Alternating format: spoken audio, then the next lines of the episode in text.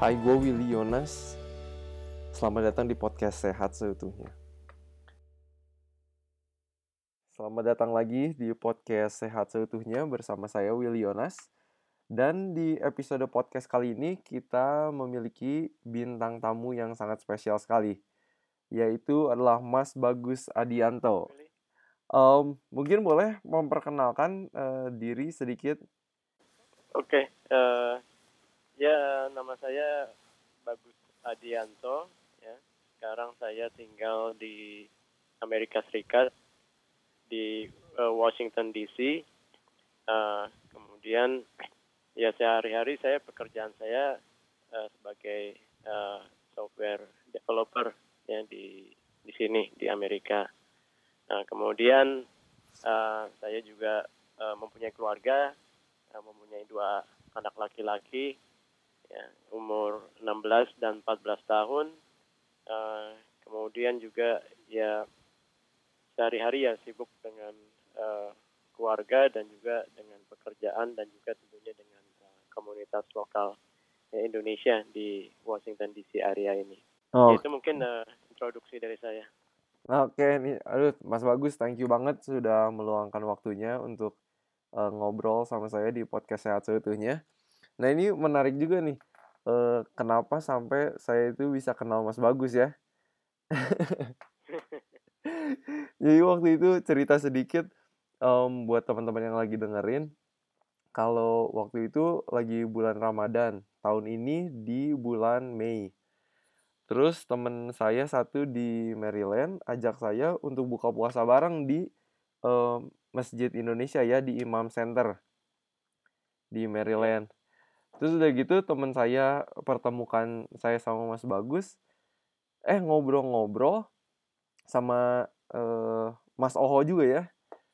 Sama Mas yeah. Oho waktu itu kita ngobrol-ngobrol. Uh, akhirnya Mas Bagus juga tanya saya lagi apa lagi sekolah apa atau lagi kerja praktek apa karena waktu itu saya lagi kerja praktek terus taunya eh kita banyak banget ngobrol kesehatan dan saya waktu itu tuh um, saya sendiri udah makan whole food plant based diet tapi tiba-tiba waktu itu Mas Bagus tiba-tiba bilang e, Willy katanya tahu nggak saya uh, sekitar enam bulan lalu mengadaptasi namanya pola makan whole food plant based diet. Waduh, saya kaget banget tuh waktu itu. Soalnya saya saya pikir, aduh orang Indonesia jarang banget kan yang makan whole food plant based diet. Terus saya kaget sendiri. Akhirnya wah di situ kita lanjut ngobrol ya. iya iya. aduh lucu juga pertemuan kita ya. Nah jadi uh, mungkin boleh sharing sedikit bagaimana ceritanya tuh Mas Bagus akhirnya bisa menemukan pola makan whole food plant based diet. Dan apakah apa tuh penyebabnya sampai akhirnya nemu pola makan itu? ya jadi uh, ceritanya uh, cukup ini panjang juga ya. Jadi ceritanya dulu tuh uh, ya dari uh, sejarah keluarga gitu kan keluarga saya mm-hmm. kebetulan mempunyai uh, histori itu uh, kayak ayah saya mempunyai penyakit jantung, mm. kemudian juga uh, mempunyai darah tinggi gitu kan. Mm. Jadi uh, dari waktu saya muda itu saya sudah familiar gitu dengan yang namanya penyakit jantung atau darah tinggi itu saya sudah uh, familiar melihat situasi keluarga ya khususnya ayah saya nah, kemudian ya sampai uh, ayah saya itu uh, meninggal dunia ya tahun 2004 itu hmm. uh, ya beliau juga kondisi kesehatannya itu ya boleh dikatakan ya banyak inilah banyak masalah gitu ya hmm. sampai tahun 2004 dan kemudian uh, tidak itu saja uh, apa adik-adik beliau pun juga banyak yang uh, meninggal pada waktu usianya muda karena stroke juga karena ada yang uh, berpenyakit kanker ya. Wow. Nah, itu ya dari situ kan uh, saya udah dapat gambaran dan kemudian yang sudah dikasih tahu ke saya ya mungkin penyakit-penyakit itu bakal punya potensi menurun di saya gitu kan. Hmm, iya iya. anaknya gitu kan.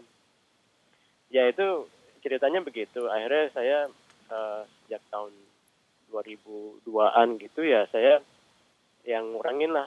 Bukan ngurangin lagi bahkan tidak makan daging merah lagi gitu ya. Hmm. tapi saya masih tetap makan daging ya daging ayam daging ikan itu saya masih tetap makan ya ya kalau boleh dikatakan semi vegetarian lah gitu ya Iya iya iya. Nah itu ya lama banget sih saya menjalani hal itu. Eh, ya boleh dikatakan yang saya benar-benar eliminasi itu daging merah. Nah tetapi ketika eh, usia saya sudah mulai eh, agak menua gitu ya, Iya ya. eh, sudah sudah mendekati 40 tahun itu, eh, saya juga ya merasakan eh, badan saya itu juga terasa fisik saya merasa menjadi kurang dan sebagainya ya masih apa, Hmm. tidak tidak sekuat dulu lagi gitu itu udah terasa gitu kan. Hmm. Eh, sampai akhirnya eh, ya saya tahu-tahu kan eh, merasa ada sakit gitu ya Iya. eh, kepala berat ya eh, badan berat dan sebagainya gitu kan akhirnya Mm-mm. dibawa ke rumah sakit ya ternyata ya benar itu ya saya eh, darah tinggi saya eh, sangat tinggi gitu ya high blood pressure-nya sangat tinggi Hmm. Eh, ya tapi tidak sampai dirawat sih ya Nah, cuman dari situ akhirnya dokter kasih obat ke saya kan akhirnya dari situ mulai minum obat gitu. Oke. Heeh. ya memang normal sih ya. akhirnya ya turun sih turun tapi belum dalam range yang normal gitu ya Oke. katakan eh, kadang-kadang 150 100 kayak gitu ya itu Hmm. padahal udah udah pakai obat gitu kan Wow. Nah, t- jadi saya rasa wah ini eh, mungkin ya apa sih dibilang karena udah histori keluarga kayak gitu wah ini istilahnya apa karmanya tuh udah datang gitu Udah dah. Bisa begitu Udah ada alarmnya ya. Iya the, the, the time is come gitu kan Iya iya iya.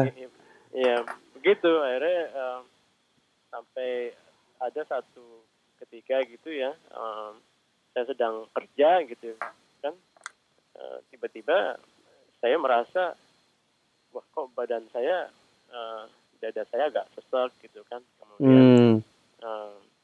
Keluar keringat dingin gitu kan ya.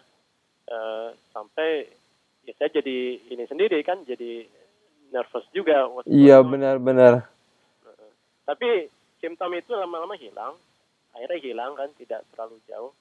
Eh, tapi dari situ saya bisa menilai oh, ini mungkin tanda-tanda eh, ya saya tahu ya apa tanda-tanda cardiac problem tuh mungkin salah satu simptomnya begitu. Hmm. Eh, saya ya saya berusaha ini aja menganalisa sendiri saja tapi kalau udah ada tanda gitu di badan kan memberikan memberikan sinyal gitu ini udah ada something wrong gitu kan Iya iya. uh, di dalam saya gitu kan yaitu sekitar tahun 2017 gitu ya Sekitar dua tahun yang lalu ya. Iya, tapi saya tetap obat saya tetap ya makan obat penurun darah tinggi, eh, cuman ya lifestyle-nya tetap sama gitu. Jadi makanan Hmm. itu tidak berubah, tetap eh, makan daging ayam, daging ikan dan sayurnya juga ya tidak terlalu dominan lah gitu. Salah tidak dominan ya. Heeh. ya sampai akhirnya eh, setahun kemudian sekitar 2018 kalau nggak salah bulan September gitu kan Oke.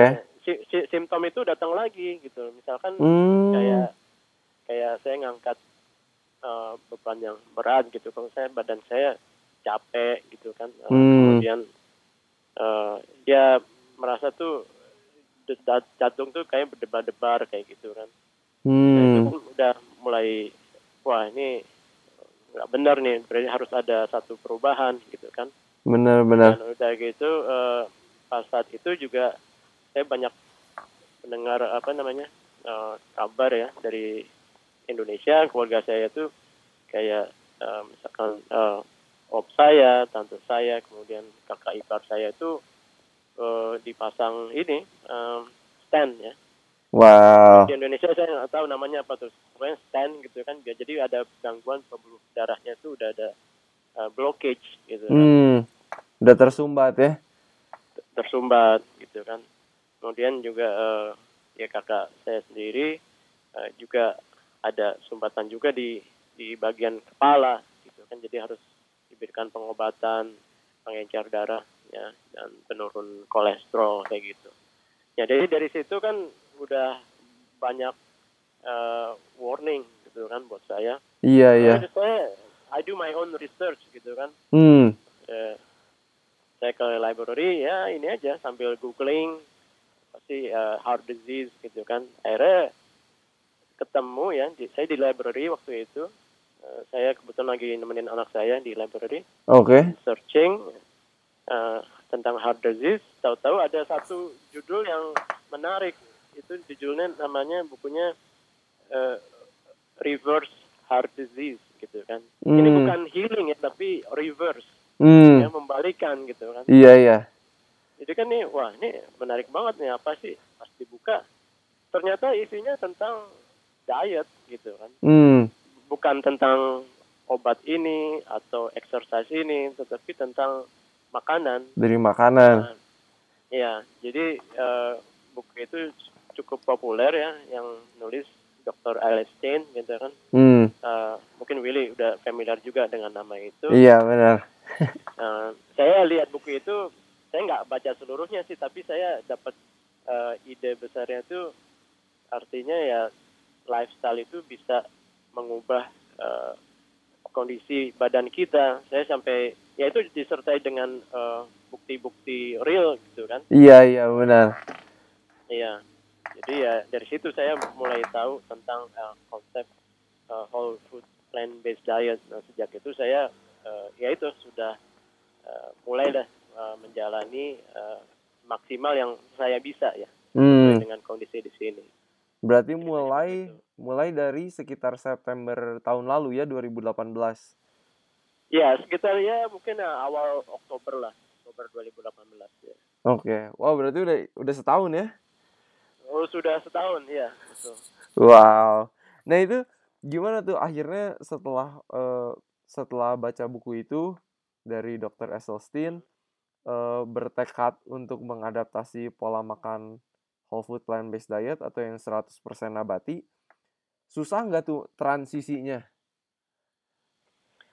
Kalau transisinya sih saya tidak begitu sulit ya karena memang uh, saya kan sudah mengurangi daging ya hmm. daging, terutama daging merah. Cuman yang harus saya benar-benar hilangkan itu uh, daging ayam sama daging ikan benar-benar saya hilangkan Hmm. Nah, jadi memang sebelumnya saya juga uh, kayak susu, keju itu saya emang nggak udah nggak pernah makan lagi. Hmm. Jadi as poin untuk berubah itu yang saya cuman eliminasi uh, daging ayam dan daging ikan.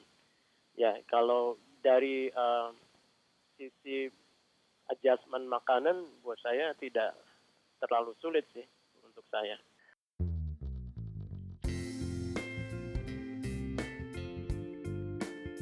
Alright, gue mau promosi sedikit soal apa yang kita sehat satunya akan lakukan. Jadi di tanggal 19 November 2019 kita akan mengadakan seminar memecahkan mitos diabetes di Jacob Hall Setrasari Mall di Jalan Profesor si Insinyur Sutami. Jadi tanggal 19 November ini kita seminarnya akan mulai jam 7 malam dan uh, untuk harga early bird early bird sampai 1, 1 November 2019 itu Rp50.000 dan kalian juga akan mendapatkan voucher bergreen uh, sebanyak Rp20.000 dan kalau normal price uh, pendaftarannya sampai dengan 15 November 2019 itu Rp75.000 dan kalau misalnya kalian uh, minat kalian boleh kontak kami di WA kita 0811218303 atau juga e, boleh ke IG kita, ke Instagram kita setuhnya itu Instagram kita. Jadi kalau e, teman-teman punya e, keluarga yang udah kena diabetes atau mau belajar apa sih sebenarnya uh, masalah utama dari diabetes dan gimana kita mencegahnya. Uh, ini seminar cocok banget buat kalian. So daftar sekarang, jangan uh, lewatkan early birdnya.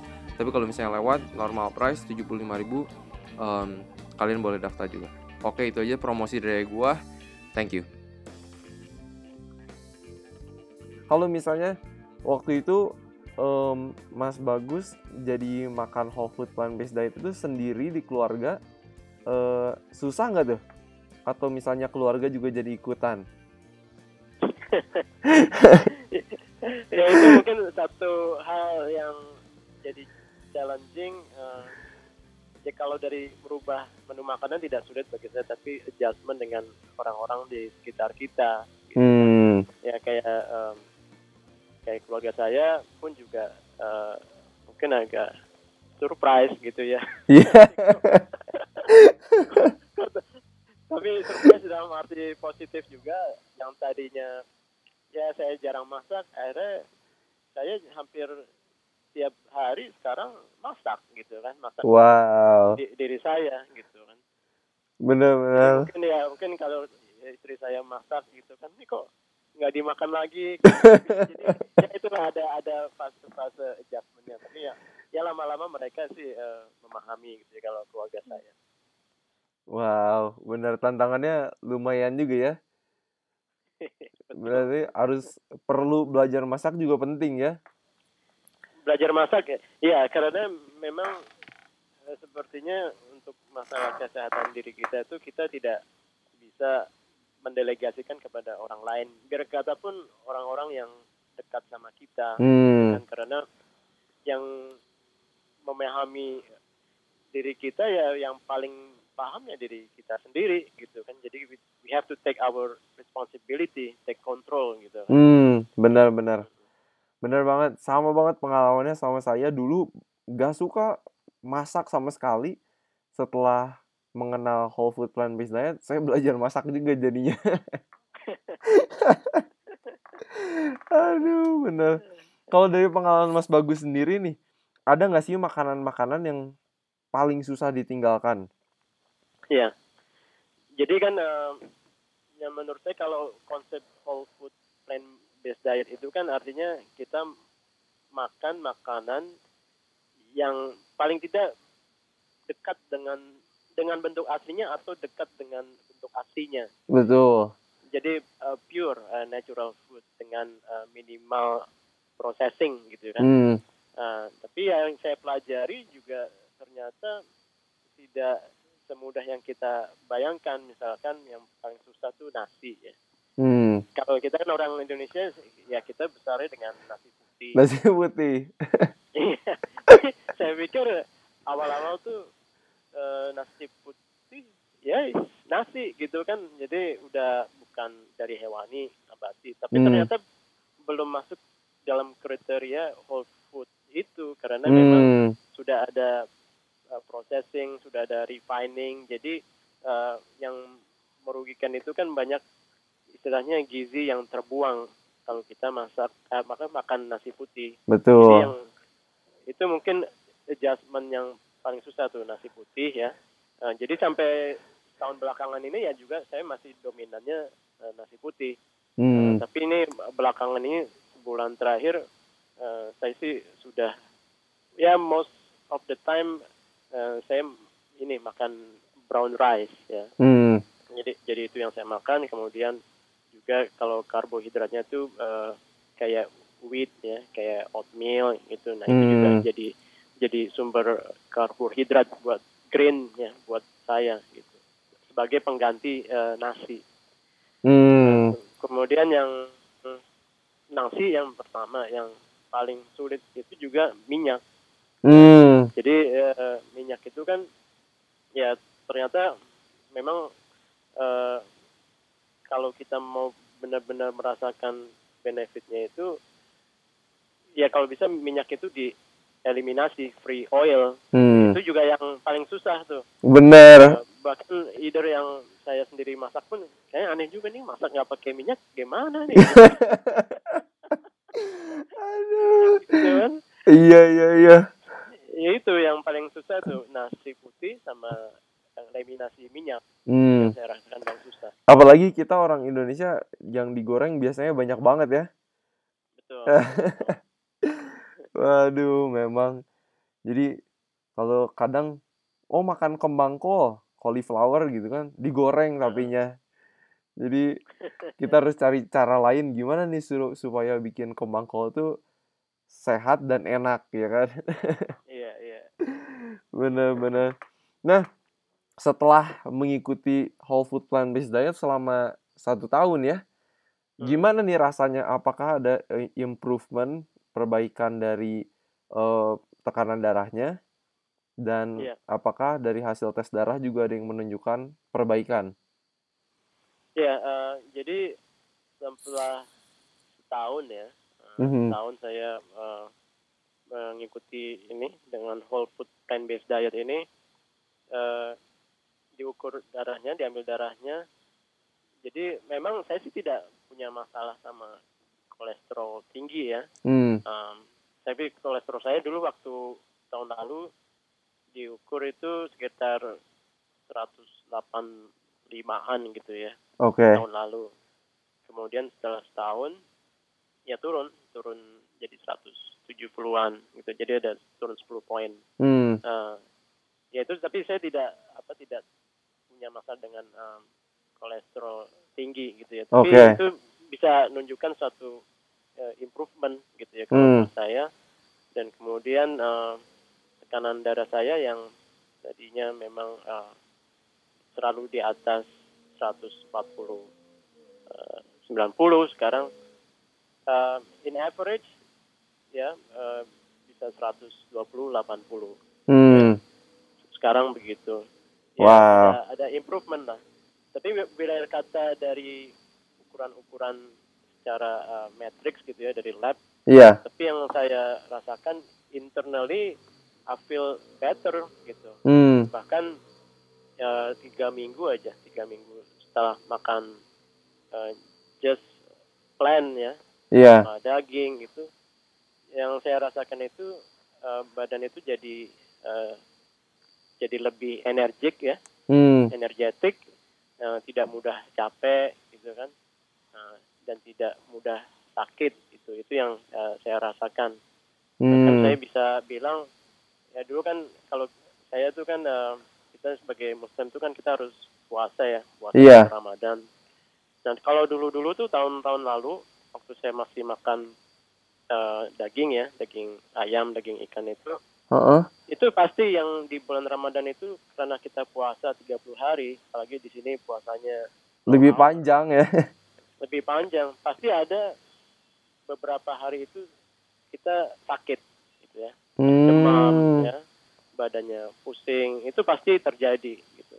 Nah, tapi waktu tahun ini ya alhamdulillah badan saya nggak sakit gitu loh. Wow. Jadi ya ya iya lemes sih lemes ya lemes puasa tapi eh, itu kan biasa orang nggak makan lama tapi tidak Betul. sampai misalkan demam atau jadi batuk dan sebagainya itu nggak ada jadi tetap Hmm. sehat sampai eh, akhir Ramadan itu tetap tetap fit badan kita Wow, mantap tuh. Sudah terasa ya benefitnya. Iya alhamdulillah terasa Luar biasa. Wah, jadi kalau eh, memang banyak sekali benefit dari whole food plant based diet eh, karena itu tinggi serat, tinggi antioksidan, dapat menurunkan kolesterol, menurunkan tekanan darah. Jadi Iya.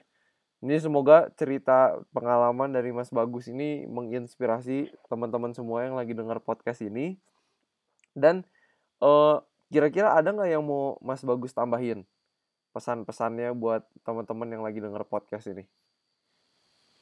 Iya, kalau pesan saya sih um, mumpung kita ya istilahnya masih bisa punya kesempatan untuk eh, memperbaiki kondisi kesehatan kita, ya kita harus lakukan segera gitu ya, jangan eh, menunda-nunda gitu ya.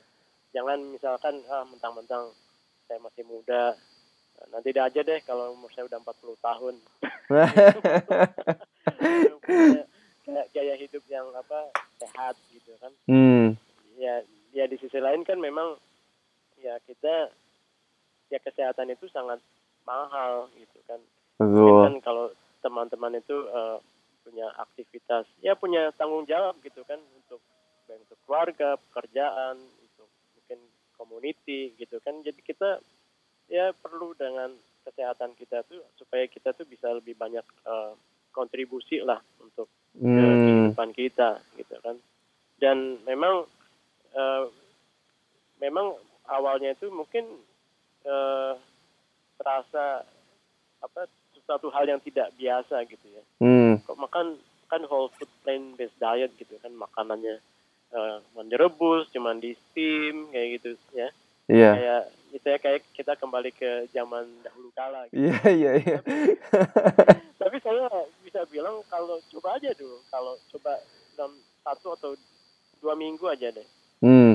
bikin challenge gitu. Ketika perbedaan di secara internal di badan itu terasa, nah itu yang membuat kita itu akan selalu stick with our plan gitu kan, hmm. dengan dengan diet ini gitu. Betul. Jadi buat para pendengar mungkin ini pesan yang sangat bagus ya untuk coba challenge diri masing-masing untuk makan whole food plant based diet 100% nabati yang utuh yang sealami mungkin selama dua minggu ya Iya. Dan rasakan manfaatnya. Benar-benar. Kadang nih emang banyak pemikiran di luar sana yang bilang, wah kalau kita makannya um, tumbuh-tumbuhan, sayur-sayuran yang nabati semua, katanya kita lemes kan ya. Ya, tapi ternyata uh, dengan makan whole food plant based diet, semua nutrisi iya. itu bisa terpenuhi. Iya, iya. Benar. Betul. Dan saya kalau bisa saya tambahkan ya, um, karena saya hidup di sini ya di di Amerika gitu ya kadang-kadang saya pulang ke Indonesia mm-hmm. uh, memang uh, di Indonesia pas waktu saya pulang kemarin itu sebenarnya udah pertumbuhan tuh udah ada pertumbuhan uh, maka dikata semangat untuk hidup sehat gitu mm. kan hmm. mulai mulai banyak restoran-restoran yang menawarkan uh, makanan vegan kayak gitu ya benar nah itu itu coba yang kita coba support ya mungkin uh, kita melihat kadang di Indonesia itu kan uh, ya memang banyak franchise uh, makanan dari Western gitu kan, hmm. food gitu kan.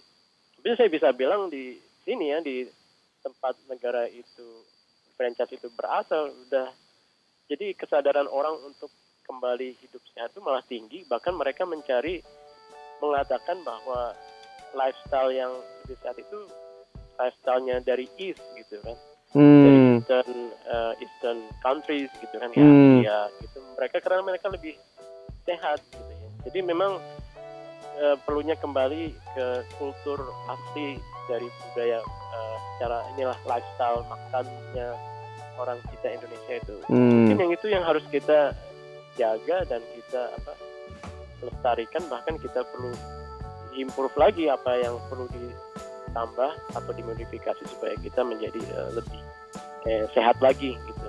Betul. Betul. Sebenarnya makanan Indonesia banyak banget ya yang plant based ya. Oh iya. Sayur asem, lalapan kalau orang Sunda ya. jadi jadi jadi base base culture-nya sih kayak udah di situ gitu kan. Hmm. Saya, di sini juga kalau saya masak juga masakannya masakan Indonesia kan? nah, itu bahkan yang orang yang barat di sini tuh banyak uh, mencari alternatif uh, untuk makanan dari timur gitu kan? Bener makanannya. Bahkan yang paling populer tuh ya pengganti uh, pengganti protein itu tempe. Iya benar. Nah, tempe itu kan dari uh, ini asalnya kan dari negara kita. Betul. Dari situ. Betul banget. Dan tempe saya terkaget-kaget udah di Indonesia tempe itu murahnya murah banget. Murah banget iya. Waduh cuma delapan ribu bisa dapatnya besar banget lagi. Soalnya kalau, kalau di Amerika lebih mahal ya. Di Amerika lebih mahal iya. Aduh bener bener wow mas bagus thank you banget nih udah sharing-sharing. Sama-sama, Willy. Jadi semoga ya, ini akan menjadi berkat buat para pendengar podcast sehat seutuhnya. Uh, boleh dicoba challenge-nya dua minggu makan whole food plant based diet. Nanti boleh komen juga di Instagram kita um, supaya kita juga tahu mungkin kita bisa juga kasih panduan sedikit guide gimana sih cara mulai uh, makan whole food plant based diet. So itu yang mau kita bagikan, Mas Bagus. Sekali lagi terima kasih banyak atas waktunya dan kesediaannya untuk untuk berbagi pengalamannya. Dengan senang hati. Oke, semoga kita semakin sehat dan semakin sehat seutuhnya ya. Alright, salam sehat. Gua Will Yonas dari podcast Sehat Seutuhnya.